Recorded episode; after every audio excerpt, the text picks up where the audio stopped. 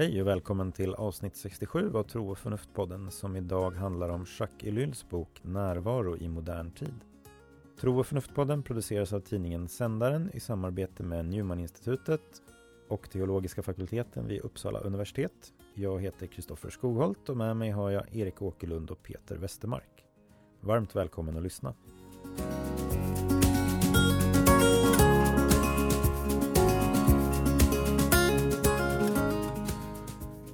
Ja, välkomna till terminens första bokavsnitt och vi har ju som sagt var läst Jacques Ellul's bok Närvaro i modern tid som kom 1946 och är utgiven i en ny utgåva på Spricka förlag som drivs av en som heter Bengt Rasmusson som är bror till Arne Rasmusson som har skrivit förordet och som är professor i tros-, livs och skådningsvetenskap vid Göteborgs universitet.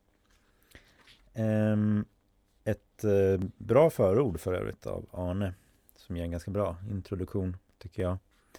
Eh, vi har tänkt att dela upp det här avsnittet i fyra delar. Så vi har först en liten presentation om vem Jacques var.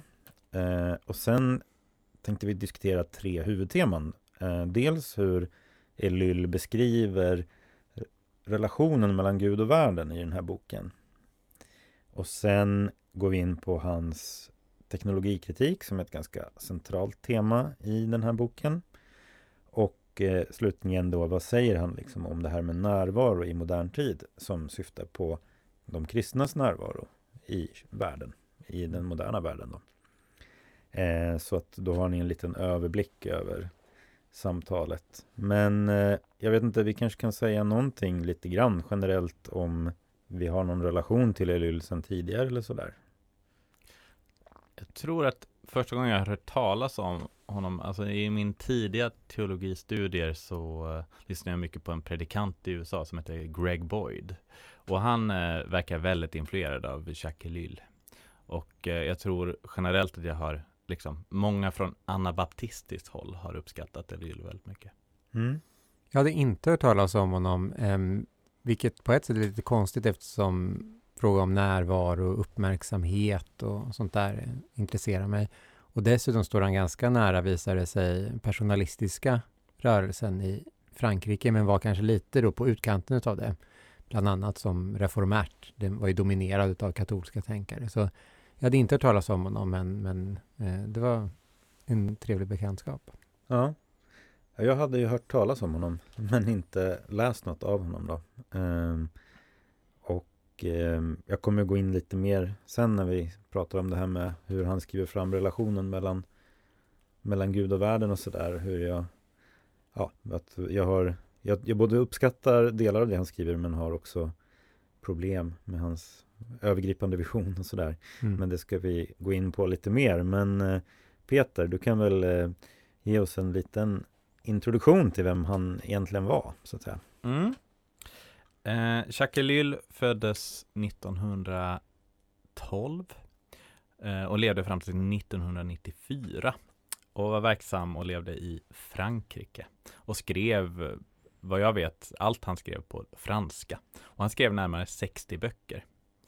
Eh, och många av dem är Många av dem är inte översatta till andra språk än franska, även om några av hans hits har översatts till massor av språk. Eh, Men några av äh, böckerna som Arne Rasmusson skriver i inledningen är inte ens utgivna. Alltså man hittar nya böcker av honom hela tiden. Okay. Han dog ju hyfsat nyligen, så jag antar att man har rensat ut nya lådor på vinden och sådär liksom. Alltså, och det är tjocka böcker också. Det låter liksom som någon slags arkeologiskt arbete liksom. ja, precis.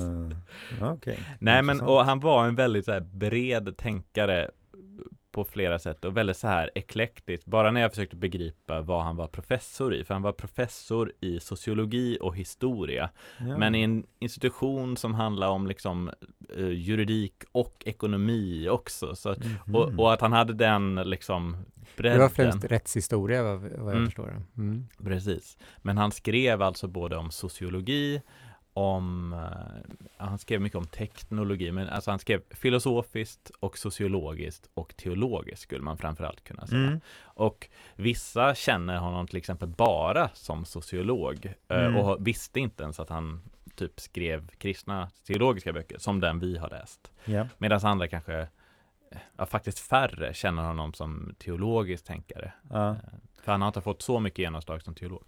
Har du någon uppfattning om vilken som är hans liksom greatest hit så att säga?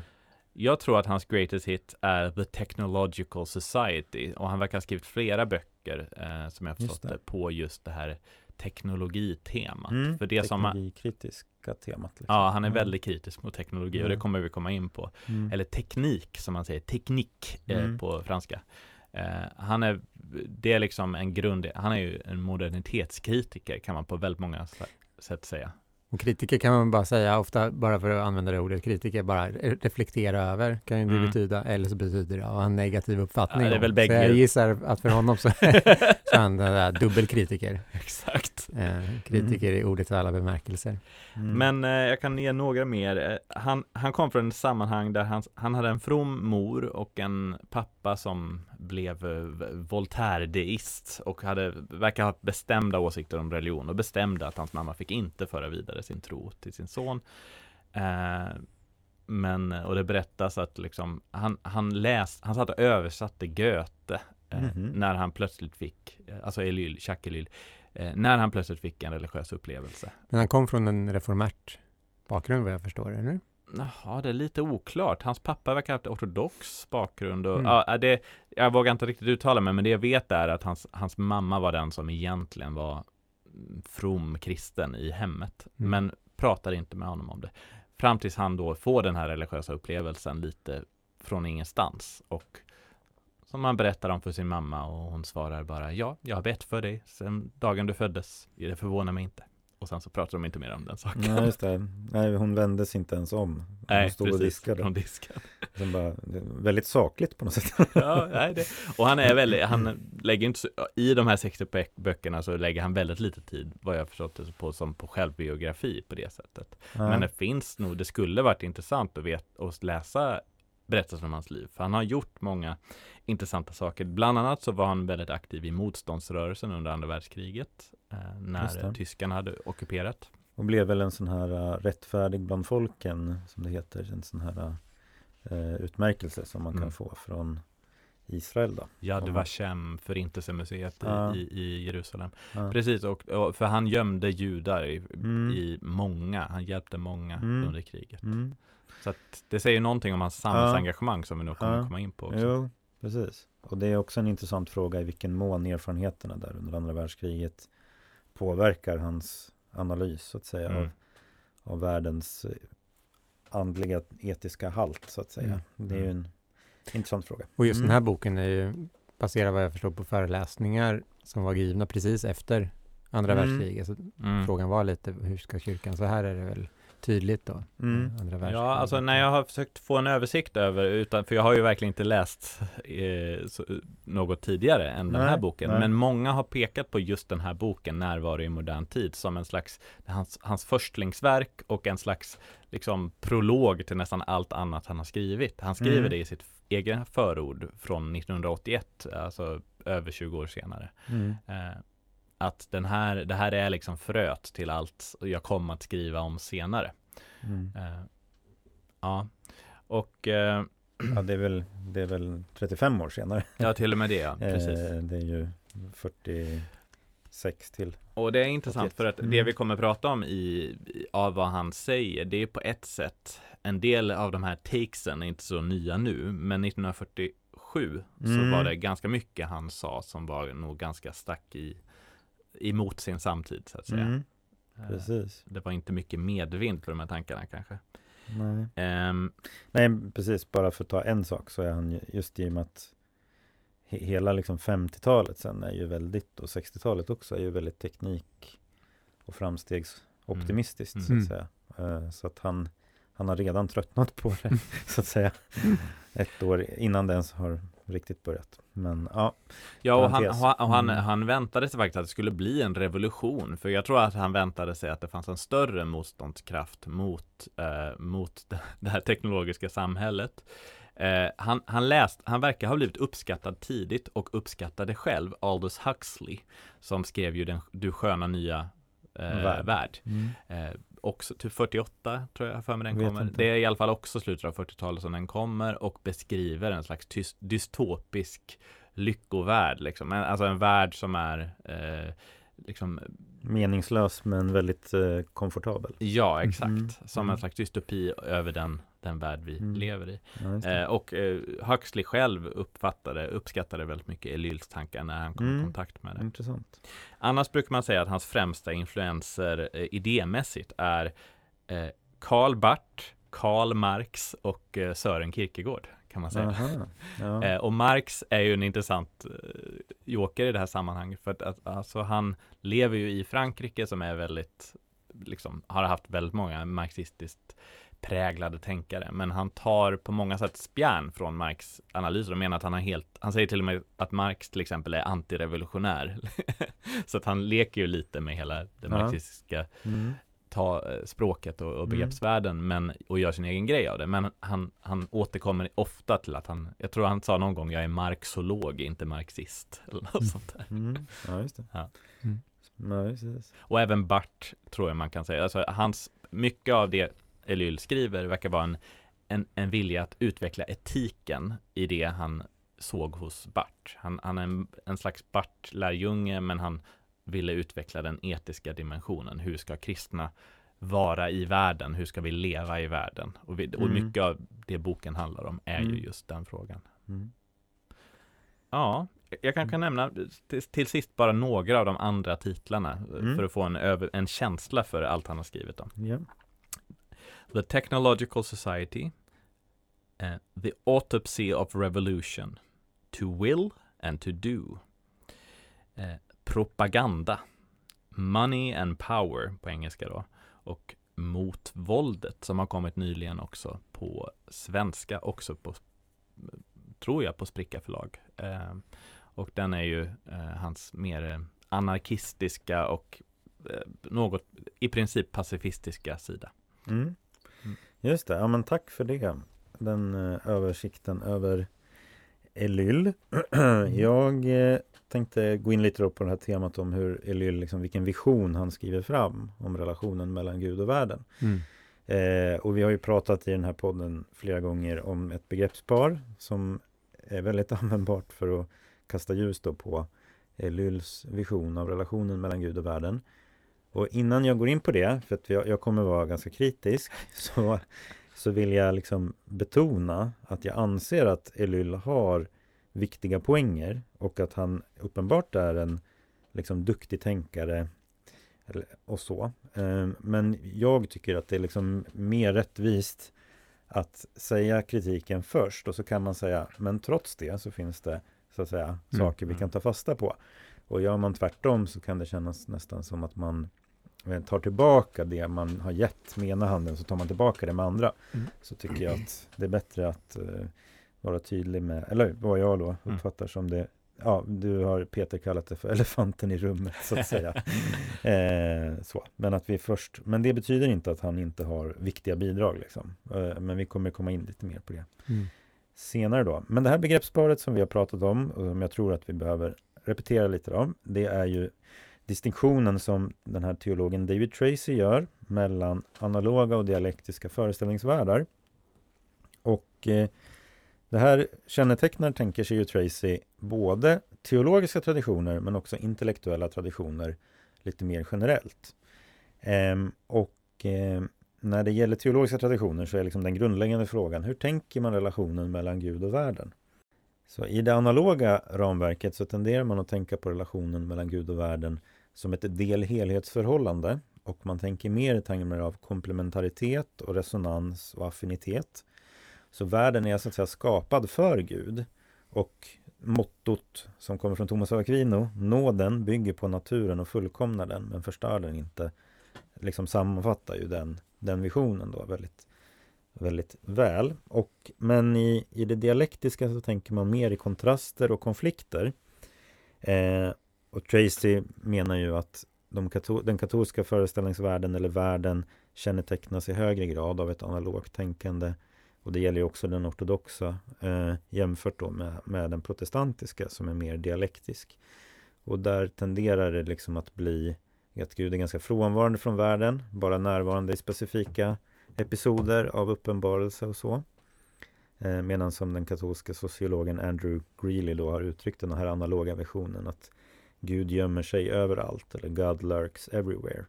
Så Gud är liksom närvarande i allt det sanna, det goda och det sköna som vi ser i världen. Och världen har det här. Världen är sakramental, så att säga. Den utgör en, en, en kontaktpunkt med Gud. Men det är intressant att du sa att hans tre främsta intellektuella influenser var Karl Barth, Karl Marx och Sören Kierkegaard. Mm. För alla de tre är väldigt dialektiska mm. eh, i sitt eh, och, och Karl Barth har ju det här kända uttrycket när han beskriver Guds uppenbarelse i världen. Den kommer så att säga senkrecht von oben.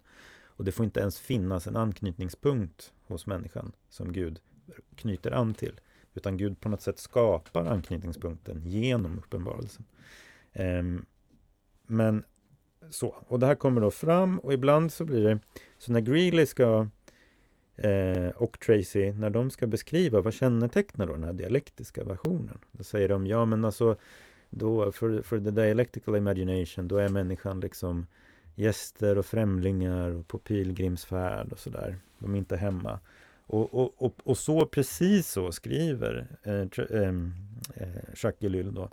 Och eh, människor är gäster och främlingar och de är, han, de är som spioner, så att säga, skriver han. använder det uttrycket. De är mm. spioner, alltså. De är liksom på ockuperat område.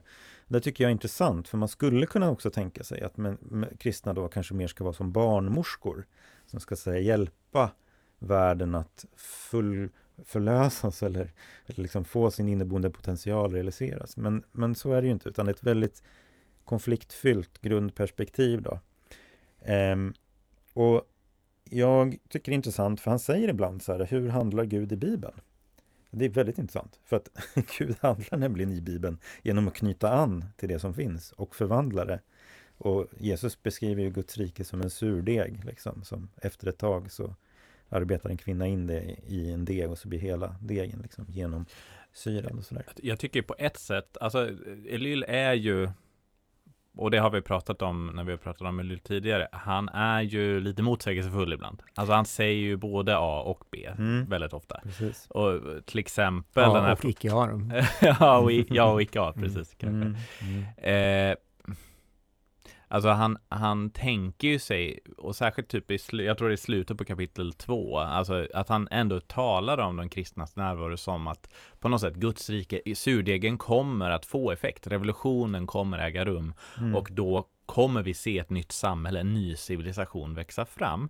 Och då är ju lite utifrån din bild här med det du mm. sa med surdegen så kan man ju fråga sig då, är, ligger betoningen i att surdegen på något sätt totalt omvandlar mm. det som är? Mm. Eller är betoningen på att liksom degen som redan fanns där, alltså mm. världen på något mm. sätt, har en potential att ta emot surdegen? Mm. Och, och för Ilyll är det ju helt klart så att det är surdegens mm. annorlundahet som är mm. poängen. Alltså mm. Guds rike kommer utifrån och på något sätt om vi ber och om vi är trogna och om vi verkligen är kristna, då kommer Gud genom det att göra någonting. Men det är ju verkligen en mörk bild av världen som, som Elyl har som grund. Mm, och det är dessutom så att han säger att Guds rike kommer inte stegvis, utan mm, det kommer mm. i ett enda nu.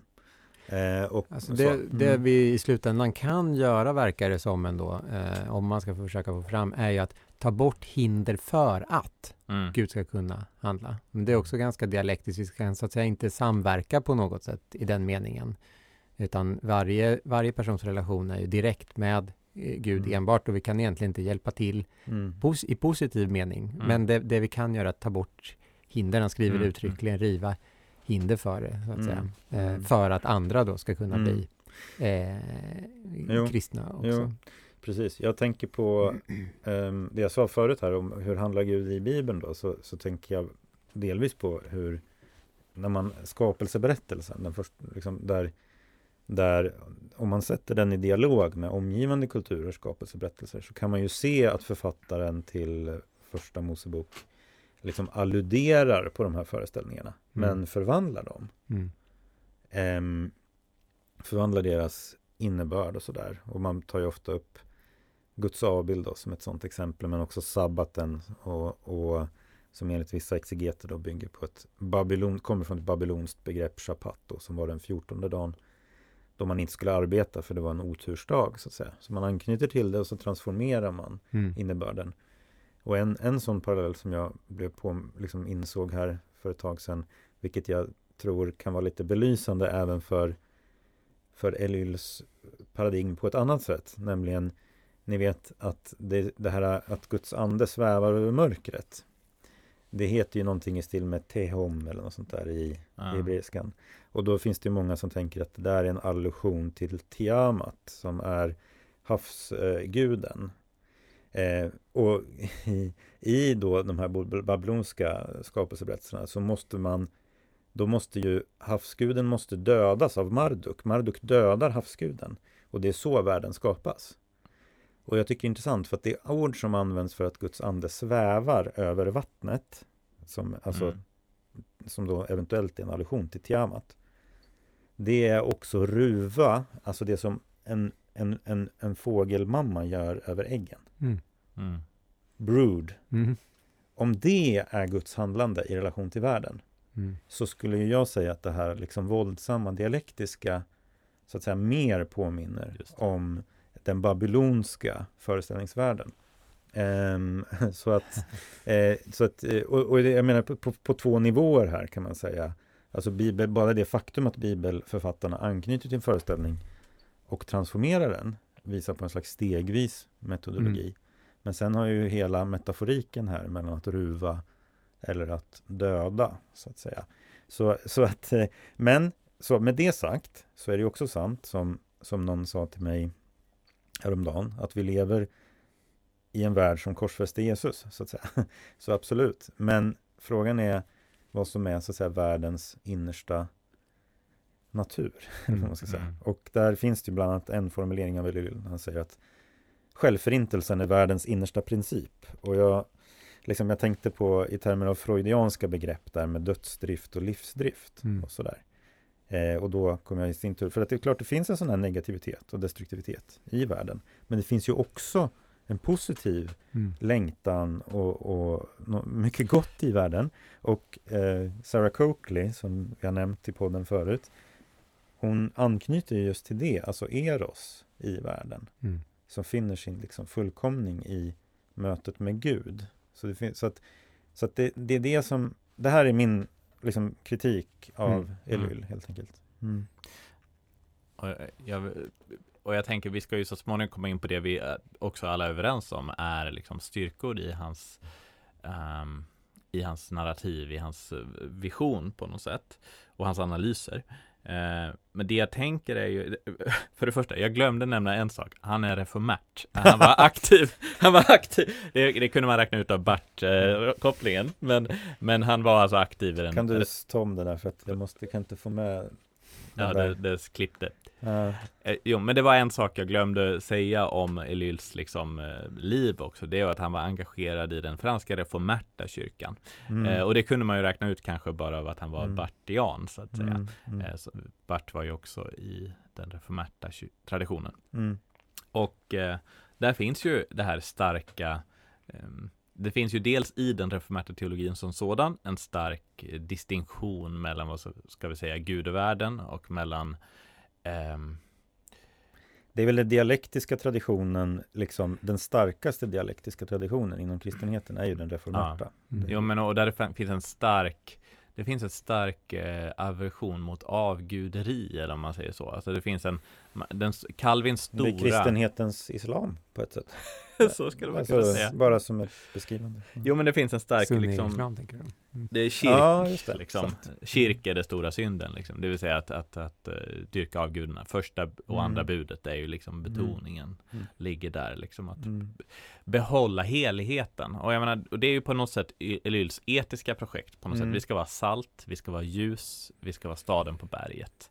Eh, och det är ju också därför det här är liksom en anabaptistisk eh, liksom populär författare på det sättet att, att man starkt betonar den kristna kallelsen. Det är ju på ett sätt hela den här bokens ärende då att liksom eh, att kristna har en särskild kallelse att vara i världen det världen på något sätt inte klarar att vara i sig själv. Och, och jag förstår att, eh, det, det här säger inte emot det du säger Kristoffer, men bara att jag förstår verkligen, det finns dels den, så här, den teologiska förklaringen, han var reformärt, men det är ju liksom en, låter som en bortförklaring, men jag tror han har en väldigt speciell upplevelse också i sin, um, och en, en viktig röst i Frankrike på den här tiden. Liksom.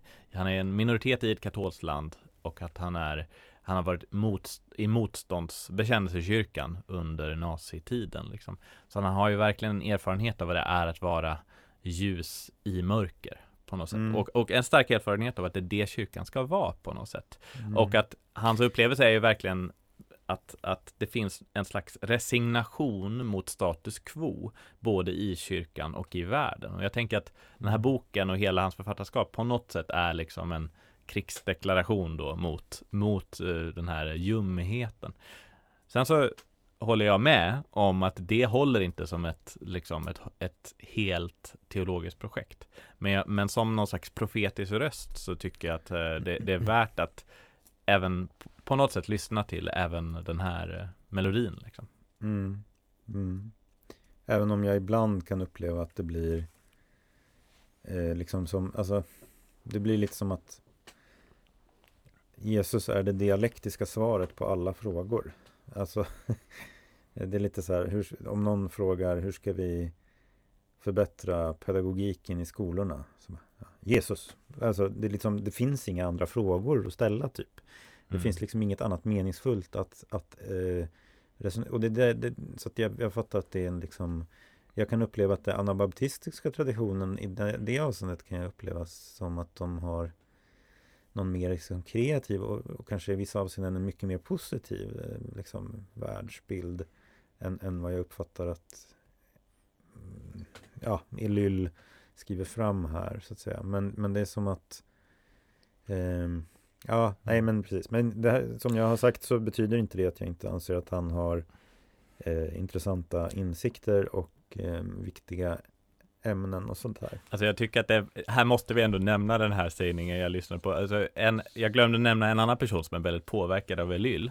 Det är Una-bombaren mm. Ted Kaczynski. Ja. Han, han gillade Jacques Elyl. Mm. Och han var ju den, den kända anarkoprimitivisten som utförde massa terrordåd i flera decennier va, i USA fram tills han fångades då.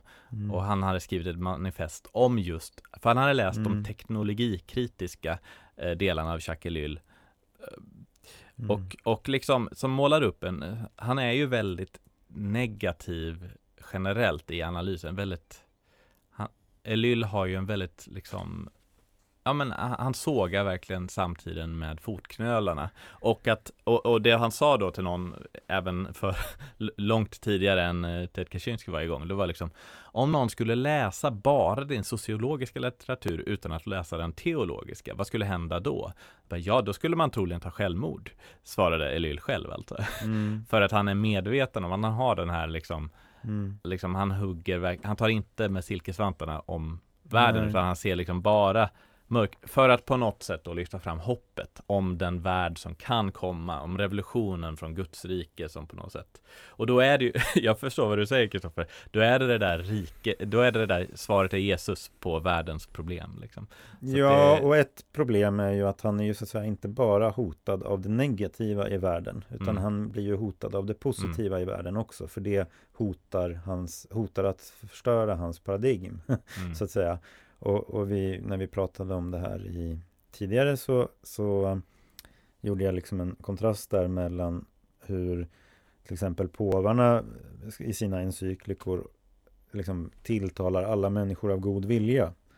Eh, det vill säga man riktar sig inte bara till kristna, inte bara till katoliker, utan liksom alla mm. människor av god vilja och förstår att om vi ska göra någonting vettigt på jorden i relation till våra större utmaningar så måste vi göra det över sådana gränser. Liksom. Och, och, jag tyckte att, som Johannes Paulus den andra pratade om att vi behöver bygga en kärlekens civilisation och sådär. Eh, och, och liksom då inkludera olika folk. Det här är ju Det är ju liksom som att den enda aktören vi behöver det är församlingen och det enda församlingen ska äga, ägna sig åt det är evangelisation. Eh, så att säga. Och sen, sen så att det blir liksom för att men jag, ibland kunde jag uppleva att det han skriver är ett försök för honom själv att reda ut vissa saker innan han kan börja reflektera. Mm. Eh, liksom. Det finns en, en slags, och det kom i sista kapitlet så blir det som att han faktiskt också kommer med någonting lite mer konstruktivt. Eh, därför att, och där man fattar att, att det han undrar är egentligen hur kan kyrkan liksom, hur kan kyrkan fyll, fylla, fyll, fylla sin kallelse i den tiden vi lever i nu? Mm. Men då har han gått liksom i, i tre, eller om det är fyra kapitel och bara sagt världen är förlorad, eh, det är, bara, det är bara Jesus som kan rädda den. Världen är förlorad, det är bara Jesus som kan rädda den. Ja, okej, okay. men så. Um, så att jag, jag, skulle vilja säga så här då, jag vill inte spä ut min kritik bara mm. för att han har bra poänger. Eh, och jag tror inte att liksom vägen till att ta till sig av hans bra poänger är att spä ut kritiken. Mm. Eh, så det, det är vad jag skulle säga. Mm. ja. Men, eh, men eh, parentes, vi får se om det, jag tycker det är lite roligt att du både är mer positiv till David Bentley Hart och mer positiv till Jacques Ellul. För de två personerna går inte ihop. Så... Jag gillar mustiga författare. Det är mm. svaret på den frågan, analysen. Ja, okay. jag gillar hot du, du gillar edgelords. Ja, precis. Mm, okay. Nej, men eh, det, det, jag tycker, det måste inte gå ihop för mig alltid. Nej, du är protestant va? men hörni, ska vi gå in på eh, Ja, vi nästa... går in på teknologikritiken. Yes, men då var det, det, det var eh, liksom allt för, för, för nu i alla fall om, om eh, Elyl och eh, Gud och världen och så. Och så kommer väl in kanske i det senare också. Men, men teknologikritiken är ju ett viktigt spår. Peter, du har ju tänkt lite på det extra så att säga. Ja, alltså jag tycker framförallt att det är det han gör bäst. Alltså i meningen, bara, bara rubriken på boken och, så, och vi ska prata mer om närvaro liksom, men att närvaro i modern tid. Eh, hans, det verkar som att det som har satt igång de här tankarna hos honom är på något sätt en, en reflektion över revolutionen och eh, Marx och liksom han trodde som sagt att det skulle bli revolution snart i Frankrike efter kriget liksom mot det här Eh, på ett djupare sätt och det är därför han talar om den kristna revolutionen som måste ske. Liksom. Men att eh, även om han uppskattade Marx så menar han att Marx hade fel, han beskrev på ett bra sätt 1800-talets eh, samhälle liksom, med eh, produktionsmedel och liksom kapitalet och hur det liksom är det som man måste framförallt reflektera kring för att förstå hur makten ser ut och hur processerna fungerar. Men, men Elyl menar att det som framförallt kännetecknar hela 1900-talet, eh, alla samhällen, eh, alla politiska system, det är teknik. Och teknik, liksom på ett sätt både i meningen som vi tänker kanske så här datorer, teknologi och liksom um, det, maskiner verkligen.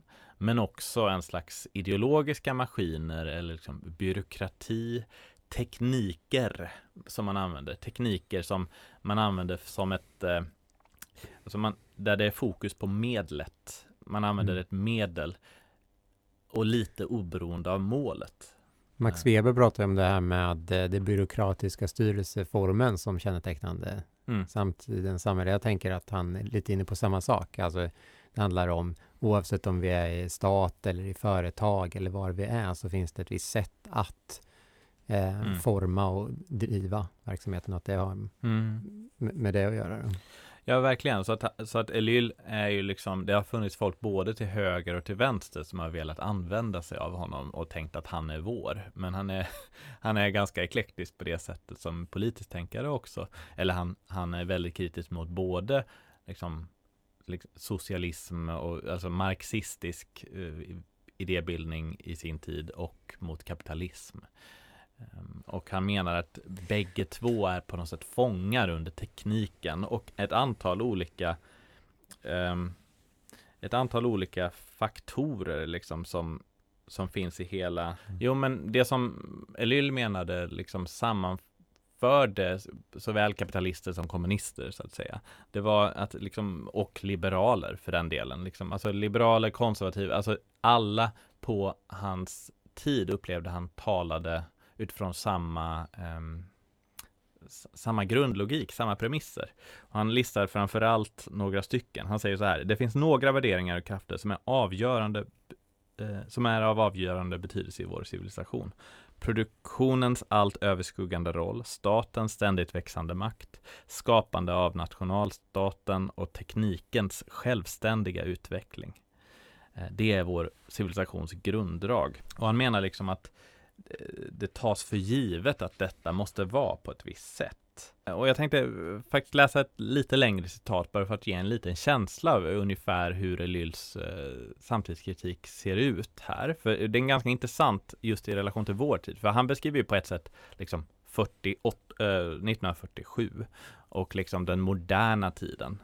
Eh, och man pratar ju ibland om så här, lever vi en postmodern tid eller en senmodern tid? I vilken mån är vi ens något annat än moderniteten? Eh, är det bara en annan form av modernitet som vi lever i? Så att då säger eh, Elyl så här. Idag är fakta, vad det än må handla om, etablerade fakta, kalla fakta, själva kännetecknet på sanningen. Ett faktum berätt är berättigat bara för att det är ett faktum. Vi har ingen rätt att ifrågasätta ett etablerat faktum, utan måste bara böja oss för det. Från det ögonblick tekniken, staten eller produktionen är etablerade fakta måste vi därför tillbe dem och försöka anpassa oss till dem.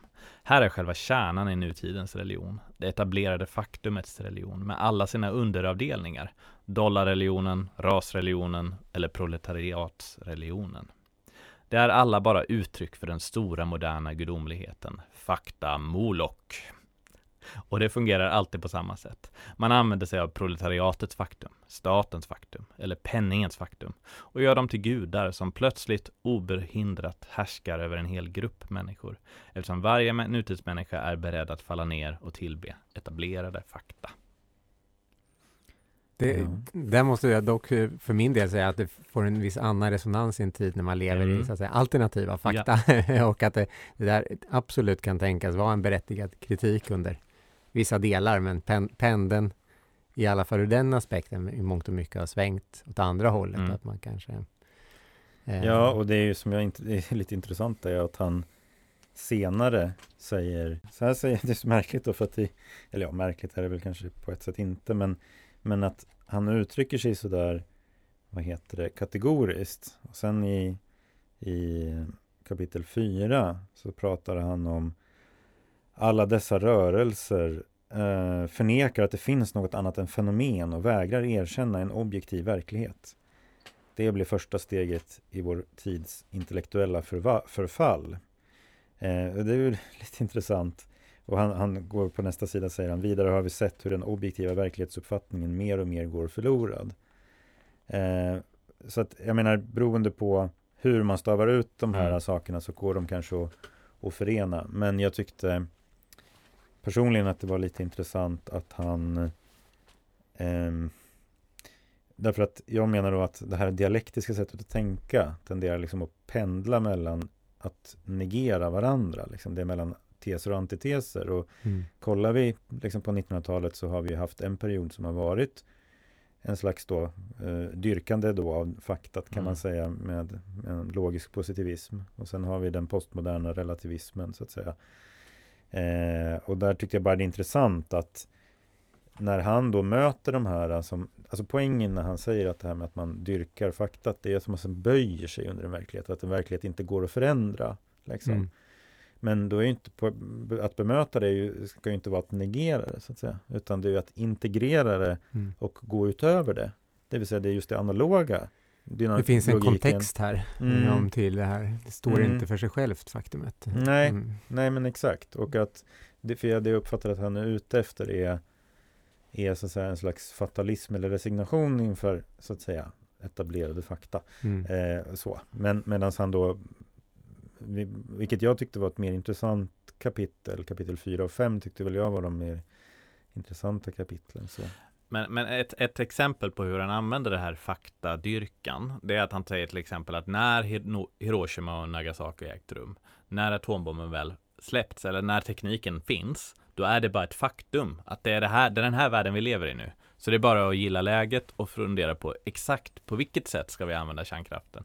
Man kan inte, då är liksom, han, han ser det som att vi är liksom Pandoras ask är öppnad eh, och vi ser det alltid som att eh, liksom, tekniken och, tekn- och liksom kunskapen, vetenskapen är på väg framåt. Eh, vilket håll framåt är, är inte det viktiga, utan det viktiga Mm. är att det är på väg framåt på något Mm. sätt. Och att liksom man får inte, man till, det, det, att det liksom inte ges ett utrymme att Mm. ställa frågan, men ska vi? Mm.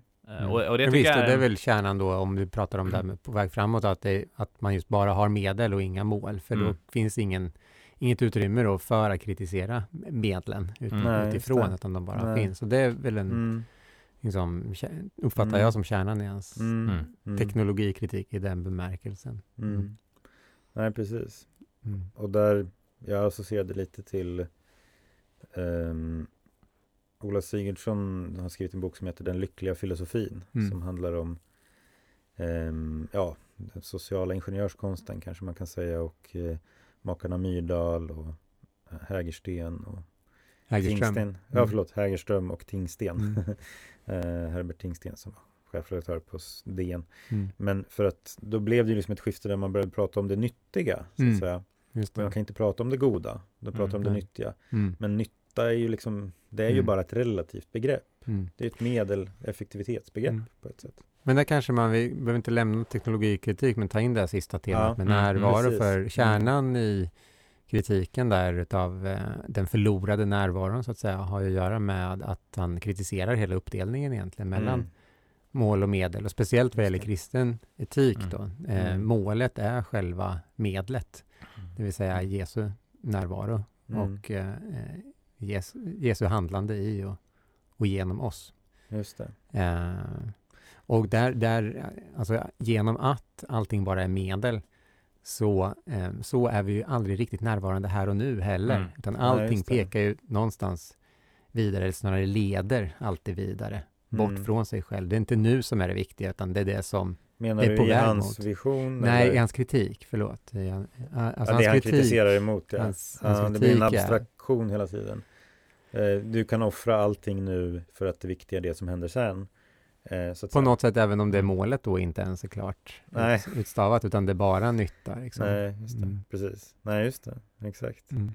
Nej, det, var, det tyckte jag också var ett väldigt bra liksom, påpekande. Att, att någonstans handlar det om att genom dina medel så gestaltar du det mål du strävar efter. Mm. Så, Mm. att säga. så du kan inte, för kyrkan eller de kristna kan liksom inte separera medlen Mm. på det sättet Nej. från, från det som man strävar emot. Sen måste, förlåt, jag märker att jag har svårt att avhålla mig också från kritik på den här punkten, men det blir ju lite märkligt då ändå i slutändan, för eh, eftersom just den kristnes handlande i världen, det kan ju inte bidra positivt till någonting, utan egentligen bara till att låta eller ge, ge möjlighet att målet ska uppnås. Så det blir i slutändan ändå en så väldigt, säga. en väldigt stark uppdelning hos honom Mm. vad gäller i alla fall det kristna handlandet mellan just Mm. medel och mål. Mm. Eh, jag kan inte läsa det på annat sätt. Medan ju i en annan bemärkelse, om nu medlet är målet i den moderna världen, då har väl de, då har man väl där just en integrering, en total alltså, eh, kollaps av, av medel och mål. Men jag tror att det, det går tillbaks till det du har varit inne på hela tiden, att det, det blir ett antingen eller hela tiden. Och det är svårt att hitta den där jämvikten, för du sa att man måste förstå så att säga målet genom medlet och låta så att säga målet komma till oss genom medlet. Men är det inte lite Ehm, så att Men han, det är svårt att hitta den. han Det är svårt i in- slutändan att, att Mm, hitta den mm. balansen kanske. jag upplever att det är så att han får insikter. Mm. Men sen har han ett större teoretiskt ramverk som egentligen inte kan tillåta den insikten. Mm. Och då blir det liksom, det är därför han hamnar i den Medan jag tycker att han på slutet ändå liksom Alltså jag kan ta ett exempel. Han säger att den kristne ska egentligen inte sträva efter att göra så mycket och vara så effektiv. Utan det Nej. handlar om att vara på något sätt. Att Mm. gestalta. Livsstilsbegreppet. Det, Ja. Jo men exakt. Men då, då, då Ja, så här, vad är det vi ska vara då? Liksom, eller gestalta, men gestalta någonting då, liksom av, av Guds rättfärdighet då, Mm. så att säga. Men då blir han, då måste han liksom direkt lägga till att det inte, det inte, även fast vi ska vara det så är det inte vår, utan det är på något sätt en tillägnad, tillskriven rättfärdighet. Eller så, alltså det Mm. blir, medan jag upplever att en, men han säger i slutet att den, han pratar om kristna intellektuella lekmän. Mm. Liksom, och att, ja men vad behövs då? Jo men att i bön och meditation få näring då liksom, för sin tanke och sådär. Mm. Så då kommer han ändå in på, på någonting som, som kan göras och liksom eh, någon slags praktik och sådär. Eh, och, och, men jag upplever att han liksom tidigare har varit, tidigare i boken blev han så dominerad av det här ramverket som inte kan tillåta honom eh, att bli konstruktiv. Eh, Mm. eh, så att säga. Det är min, min, eh, min tolkning av det. Så att, säga. Mm. att han eh, För att det är ju liksom därför man läser den. Den heter Närvaro i modern tid. Mm. En superintressant, relevant fråga. Han pekar ut många problem. Vi har eh, teknologin som han ju tidigt då påpekar gör att vi inte möter varandra. Mm. Vi har massmedier som rapporterar verkligheten för oss men måste göra det på ett väldigt förenklat sätt. Mm. Ofta utifrån ganska enkla tankefigurer som sätter ihop olika eh, så att säga datapunkter till ett skeende. Och sen lever vi i en medialiserat tolkad värld där vi inte egentligen möter varandra, Mm. inte heller får hjälp att tolka verkligheten mer komplext. Mm. Så att jag menar, och då är det väl så här, ja, en kristen public intellectual så att säga. Mm. Det är en person som både är teologiskt bildad och har den här uppmärksamheten som han tycker saknas. Mm. Både mot världen men också någon slags receptivitet mot, genom kontemplation och bön och sådär. Mm. Så att han har liksom fröna för ett intressant program. Mm. Och verkligheten, öppenhet mot verkligheten Ja, pratar han Precis, ja men absolut. Mm. Det här är alltså vad han säger i fjärde kapitlet va, om kristna lekmäns uppgift i världen. Mm. Att vara en public intellectual som har den här dubbla jag, jag, jag, uppmärksamheten. det, Ja. det jag försöker säga är att han har intressanta datapunkter men han Ja. kan ju inte sätta ihop det eftersom, Mm. eftersom han är så, så dominerad. Jag fattar om, om någon kanske blir provocerad av, av, av min eh, negativa eh, men jag, jag står för den så att säga. Alltså, Mm. Han kan inte sätta ihop det till ett handlingsprogram. Mm. För, han kan, den, för att han är Mm. så många gånger måste säga att det enda som kan rädda oss är en handling. Jag tror inte Sänk han vill rätt det, från eller? oben. Det är Sen klart man att det är det han vill. Ja, Jag tror inte han har ett handlingsprogram på det planet. Jag tror att han aktivt hatar handlingsprogram. Men det kan man ju tycka vad man vill om. Det vill säga att man vill att han ska vara mer eh, Nej, men det, teoretisk. då skulle, i förord och slutsats, det är det sista kapitlet. Ja. Då återkommer han ju just till det. Hur kan kyrkan vara en relevant, konstruktiv närvaro i världen? Mm. Alltså om han inte vill att vi ska reflektera över hur kyrkan ska vara det, då behöver man väl inte skriva en bok som heter det. Liksom. Jag tror att hans, Jag hans tror att du har fel, men är däremot okej. så tror jag att han, liksom jag, skulle säga att, eh, så att säga, det är klart, och det finns ju ingen, ingen, så att säga, kristen tänkare som kan säga att bara vi alla antar det här partiets partiprogram så kommer allting bli paradisiskt liksom. Nej, men det är väl klart att en sån rent eh, immanent paradigm, liksom göra program, Mm. programmatiskt, men det är liksom det, det är klart att det inte är så liksom. Om vi säger så här, jag tror att han eh, ehm, inte att han aktivt metodologiskt väljer att inte bli för praktiskt. Ja, men jag håller inte riktigt med om det, för jag tycker Ja. att han, han, han så att säga eh, famlar mot det Mm. i slutet. Ja, men jag tror inte, jag, han skriver väl någonstans på vissa ställen uttryckligen som att vi inte kan ha ett handlingsprogram så att säga. Och det ser jag som ett Ja, uttryck för att Mm. han är fortfarande liksom Mm. i, det, det är slags, det är därför jag upplever det här som en slags emotionell bearbetning. Mm. Det, det här du behöver skriva av dig och du Mm. har alla de här impulserna. Liksom, nej, det går inte att göra någonting. Men vad ska vi göra? Och liksom, nej, det går ju inte. Och sen, jo, men det här Mm. kan vi göra. Och sen så, ja, fast det kommer helt utifrån. Men jag- Fast, ja. Jag tror det, kanske om man ska hitta en fruktbar så är det väl just som, som i så fall en profetisk röst. För jag håller med, Mm. det, går, det går så att säga inte ihop som en... Nej, eh, men jag är lite men, eh, skeptisk till, för att det, det, problemet är i det dialektiska ramverket, det är ju så här, du kan ju hitta avarter på, om precis allt. Mm. Men att vara profet är inte att negera avarterna. Mm. Det är att hitta en väg framåt. Så att jag, jag, jag liksom, det, det, det här att negera avarter, det håller ju världen på med hela tiden, så att säga. behöver man inte gå till teologin för att ägna sig åt. Liksom. Mm. Nej, man kan ju konstatera att liksom om det skapar eh, UNA-bombare att ta del av That escalated quickly. Ja men, ja men det är ju egentligen det du säger, alltså att det, det, ska, det leder fel. Nej, att, det jag säger är nog snarare, om jag, det är att det pacificerar. Mm. kyrkan. Det finns ju ingenting du kan göra. Ja, men man får hitta på sina Mm. egna lösningar då och vissa Mm. idéer kan d- dra iväg, det är det jag Mm. menar. Mm. Alltså att, för jag håller med, alltså jag håller med om att det är inte ett, ett man behöver någonting mer för att faktiskt motiveras. Eh, Om, om man får liksom en lång, lång redogörelse för allt som är fel med den moderna världen och svaret är vi måste be. Eh, Det är liksom svaret och sen så kommer något hända. Jag, jag tror att det inte räcker. Jag håller med om det. Mm, och sen är det också i slutändan eh, Vi kanske behöver börja avrunda men, men det är också så att säga en, en, en väldigt, väldigt märklig syn på skapelsen och, och liksom hela det här Hela begreppet Guds avbild Det är ju att människan är Guds medregent i skapelsen Och det är ju liksom en röd tråd genom hela Genom hela Bibeln och Kristus som liksom den fullkomliga avbilden och Guds rike Det är liksom den Mm. uppgiften Gud har gett skap, den mänskligheten så att säga. Att bidra till att Guds goda ordning etableras på jorden. Och, och, och det är det, det blir liksom en Medan det här för honom är ju skapelsen en slags flygplats så att säga. Där, där, där Gud kan landa för att ta bort alla därifrån. Liksom. Ehm, så att det blir ett så här, det är liksom också rent mänskligt så här, Att jag blev skapad, det var ju totalt onödigt liksom. Ja, men det, det avhandlar vi i sektion två. Men jag, jag Mm. tänker att eh, om vi ska säga någonting man tar med sig av eller man kan vidareutveckla från Elyls tankar som faktiskt är konstruktivt. Alltså som inte bara är att det är en Mm. dålig bok så att säga.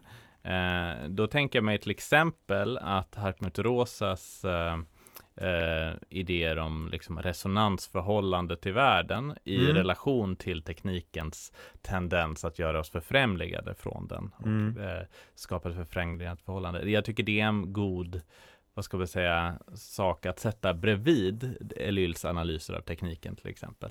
Eh, och, och närvaron på något sätt. Att det vi behöver för att på något sätt göra motstånd mot en, en, eh, en skev eh, samhällsutveckling.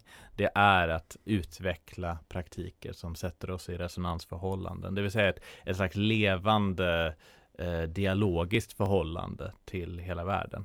Eh, Mm. och till, till, eh, som kännetecknar liksom för moderniteten på många sätt, även om den har andra problem.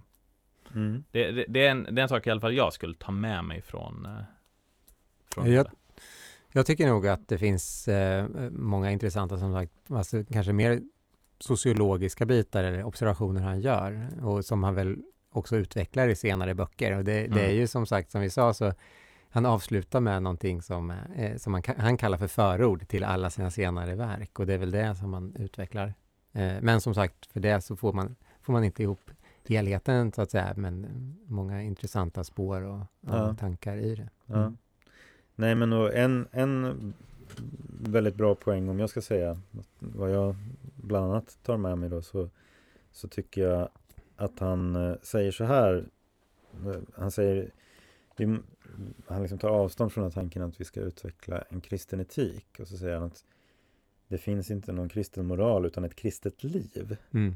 Och att det handlar, och då, det är ju återigen en av de här insikterna Mm. som hans större ramverk inte förmår härbärgera, nej, eller Mm. utveckla. Men det är liksom, det tyckte jag var ett väldigt bra, Mm. alltså att hur, hur utvecklar man då ett kristet sätt att leva i världen? Mm. Och en sak som jag ändå tror är faktiskt i är konsonant med det han säger, även om han inte säger det rakt ut, det är liksom förmågan, ja men apropå det här med uppmärksamhet, men att, att, ehm, att utveckla ett djupseende för världen, där dess liksom teologiska signifikans Mm. får komma fram och att i ljuset av det så agerar du också annorlunda. Mm. Om du ser de här goda tingens mening så kommer det, det handlar inte om regler utan det handlar också det handlar om att du ser, ser det och du får en respons på det. Mm. Ehm, och eh, om du ser på andra personer, andra människor på ett annat sätt så kommer du agera på ett annat sätt i relation Mm. till dem. Ehm, så så det, det skulle jag säga att han, han, eh, han, eh, han är någonting på spåren där som han som han också på något sätt egentligen de här praktikerna han pratar om till exempel att han säger till exempel om man vill veta vad bio är så går man på bio. Mm. Liksom att den här konkreta kontakten Mm. med världen och de saker man vill förstå. Men liksom, ja, Mm. och även Och verkligheten. Ja, men Liksom, exakt. eh, Öppenheten för Precis. verklighet. ja, både den gudomliga verkligheten och den skapade Ja. verkligheten. Mm. Och det är därför det blir så problematiskt att ha ett grundperspektiv som redan har bestämt att allt i världen är dåligt. Mm. Så att säga. Då kan du inte utveckla det djupseendet. Mm. Och i den meningen så är han in, i en konflikt så att säga, med sig själv. Men Mm. då kan man ta det man... Han kanske kommer över det någon gång, jag vet inte. Men, men, Vem vet vad han gjorde? ja, Men jag tar i alla fall med mig till mitt liv just det här att liksom att den här, en- att det är, jag, jag tänker mer och mer på behovet i vår tid på att vara uppmärksam på alla sätt på vilket medel blir målet. Alla sätt på vilket liksom skärmar och eh, nätverk och liksom eh, olika raster läggs för allting, vilket liksom för allting mot andra mål än vad jag egentligen vill, liksom i, i den liksom digitala medielandskapet, liksom, och hur där internet allt mer är vår värld, så kan jag tycka att det behövs liksom jag håller med om världsbilden är, är förkastlig. Liksom jag tror inte på en, en, en, liksom en reformärt förståelse på det sättet av liksom världen. Men, men jag håller med om liksom den här impulsen, grundläggande kristna kallelsen att göra uppror mot när medel blir mål och när att, att, liksom, att ha en kritisk blick på just eh, den liksom eh, det oreflekterade följ- medföljandet i strömmen. Det är Mm. väl, jag gillar ju det. Det är något Kierkegaard-liknande i det, liksom att inte bli en dussinmänniska som bara flyter med strömmen i meningen accepterar faktum, så att säga, i allting. Det, det tar jag med mig från den här läsningen och tycker ändå är eh, det, det kan jag transponera om till min egen liksom, Mm. världsbild som eh, är bättre. Vilket jag Ja. tror du också har gjort. Jo. Jo, men precis. Exakt, man kan gå längre än negera Ja, det dåliga. verkligen. Mm. Mm. Fint. Bra, men då Mm. kanske vi säger tack för idag. Mm. Och eh, ni får gärna komma med eh, tips på saker att diskutera i podden via våran e-post tro och förnuft gmail.com och eller Facebook-sidan eh, som heter tro och förnuft. Man får söka på det så Mm. kommer vi fram där. Ja, Mm. Tack för idag. Tack för idag. Hallå.